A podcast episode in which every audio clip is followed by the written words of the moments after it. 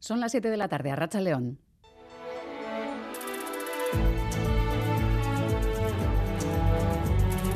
Gambara con Miriam Duque.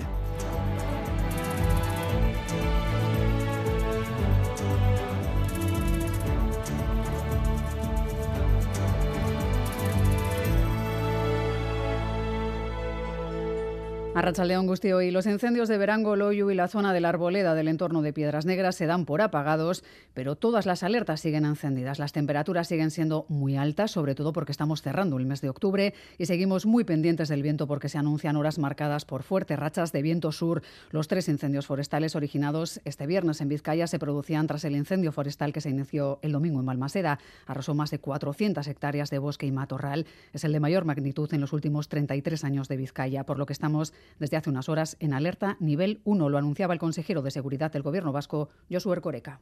Está siendo el viento un factor decisivo, un viento eh, fuerte que ha generado un aviso amarillo por emergencia por excesivo viento y lo que sí se puede decir es que esta mañana hemos elevado al nivel 1. ¿eh? lo cual pues ya nos permite empezar a tomar decisiones más eh, contundentes y también recabar ayuda. El incendio de Verango Amaya Zabal ha calcinado más de 30 hectáreas de zona de monte Arracha León.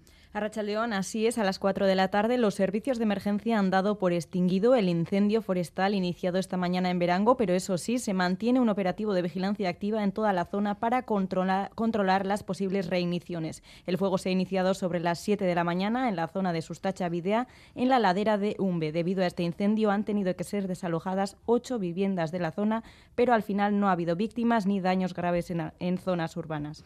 Horas antes quedaban controlados los de la Arboleda y Loyu. John Fernández, John Fernández Muro, Arracha León. Arracha León, sí, en la Arboleda, en la zona de Peñas Negras. El fuego se encendía minutos antes de las 4 de la madrugada y se daba por extinguido en torno a las 2 de la tarde. El viento, que soplaba con rachas de 100 kilómetros por hora, por suerte, ha alejado las llamas de la zona de vivienda. Se calcula que se han quemado entre 25 y 30 hectáreas, mientras en Loyu el incendio comenzaba pasadas las 8 de la mañana. Un fuego muy cercano al corredor del Chorierri, por el que miles de vehículos eh, transitaban a esa hora, pero que era apagado con rapidez. Para las 10 de la mañana se daba por extinguido. Tras el primer encuentro de esta semana entre Andoni Ortuzar y Alberto Núñez Feijóo, hoy han vuelto a encontrarse, esta vez en un foro en Vitoria-Gasteiz. Y a tenor de las declaraciones de Ledar y Alchal, estamos a las puertas de un deshielo en las relaciones entre ambas formaciones políticas. Una toma de contacto y una reunión de dos políticos que creemos profundamente en la autonomía de nuestros territorios, una reunión cordial donde eh, pues las posturas del PNV y del PP pues son muy distintas. Veníamos de una época, vamos, podemos decir, de hibernación de nuestras relaciones eh, políticas, pero esto del calentamiento global también parece que ha afectado a nuestras relaciones y esa, esa, esa glaciación que teníamos pues se ha ido derritiendo. Ulma y Orona han precipitado los movimientos en todo el grupo Mondragón. El grupo Ulma plantea a sus socios salir de Mondragón. Seguirían así la senda de Orona de buscar más capacidad de decisión. Se plantean reuniones informativas a partir del 3 de noviembre en Orona y del 9. En el caso de Ulma hablamos de dos pesos pesados en el cooperativismo vasco que sumados facturan 1.800 millones de euros al año y que podrían estar planteándose precisamente cambiar su modelo de funcionamiento. Mejores noticias nos llegan desde Bruselas a Maya, Portugal, donde esta misma tarde se han aprobado ayudas para apoyar a las empresas empresas afectadas por la crisis energética. La crisis energética va para largo y la Comisión amplía un año más el marco temporal de las ayudas estatales hasta finales del 2023. Pero sobre todo aumenta y mucho el montante que permite que los gobiernos den a cada empresa afectada. Lo cuadruplica desde el medio millón de euros hasta los dos millones. La ampliación del marco viene tras semanas en las que no pocos Estados miembros han criticado duramente a Alemania por su plan de ayudas de 200.000 millones de euros, algo que pocos países se pueden permitir y que levanta levantaba sospechas de un posible quebrantamiento de las leyes del mercado único. Es que recasco Amaya. Y avanzamos también en los principales contenidos de la página deportiva con nuestro compañero Edu García. Edu, Arracha León. Arracha León con dos puntos de atención. Por un lado, el partido de básquet de la Euroliga que va a comenzar a las 8 en, en eh, Lyon, entre la Sol y de Basconia. Es la quinta jornada. Basconia busca la cuarta victoria ante un equipo que solo ha ganado un partido, con el reestreno de Pierre y Henry, el último en llegar a Gasteiz, aunque ya le conocen de sobra, y que está para jugar. Y esta noche en Zumárraga, pelota, cuatro y medio, última jornada de la liguilla de cuartos de final. Se van a ver las caras el Ordi y el Ezcano en un partido que a nivel clasificatorio no vale para nada, porque el Ordi ya está en semifinales y el Ezcano ya está eliminado. Pues todo lo demás en cuestión de media hora. Es que recasco, Edu.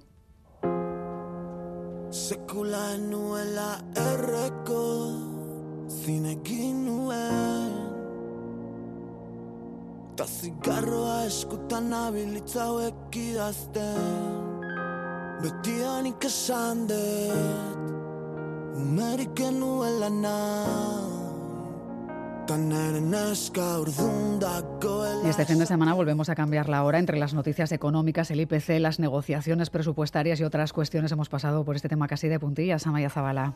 Así es, aunque tengamos temperaturas de pleno verano, este fin de semana entraremos en horario de invierno. El cambio de hora se producirá en la madrugada del sábado al domingo, coincidiendo que es el último fin de semana de octubre. De este modo, a las 3 de la madrugada tendremos que retrasar los relojes para que marquen las 2. Así, el domingo tendremos una hora más para dormir, pero eso sí, a partir de lunes las jornadas parecerán más cortas ya que anochecerá antes.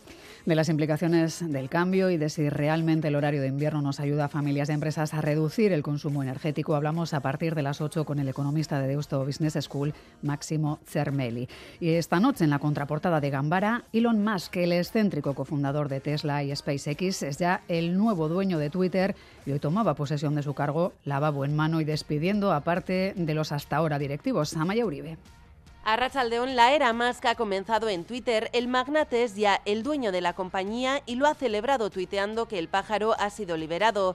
Su primera decisión no ha tardado en llegar. Ha despedido a cuatro miembros del equipo directivo y han tenido que salir escoltados de las oficinas.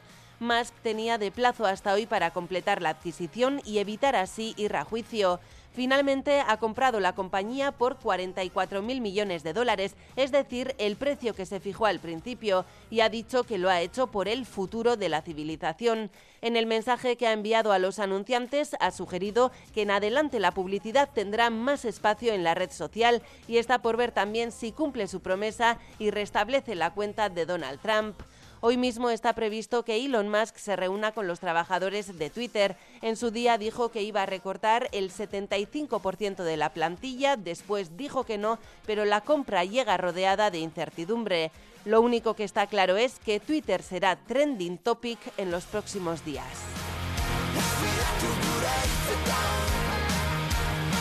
Y en materia de tráfico, algunos problemas debido al accidente ocurrido esta tarde en la A636 a la altura de Beasa, en sentido Zumárraga. Se pide precaución en este punto. Se ha producido una colisión entre una furgoneta y un camión. Ha habido un herido que ha sido trasladado al hospital. En estos momentos están retirando los vehículos. Se pide también precaución en dos puntos, en la Muga de Viriatú, sentido Bayona, y también en la A8 a la altura de Musqui, sentido Cantabria. Nos informan de problemas en la zona de Saltacaballos. Hasta aquí la portada. Comenzamos eh, al detalle este viernes 28 de Reciban un saludo de Alberto Zubelia y Miguel Ortiz en la dirección técnica y de Cristina Vázquez en la coordinación.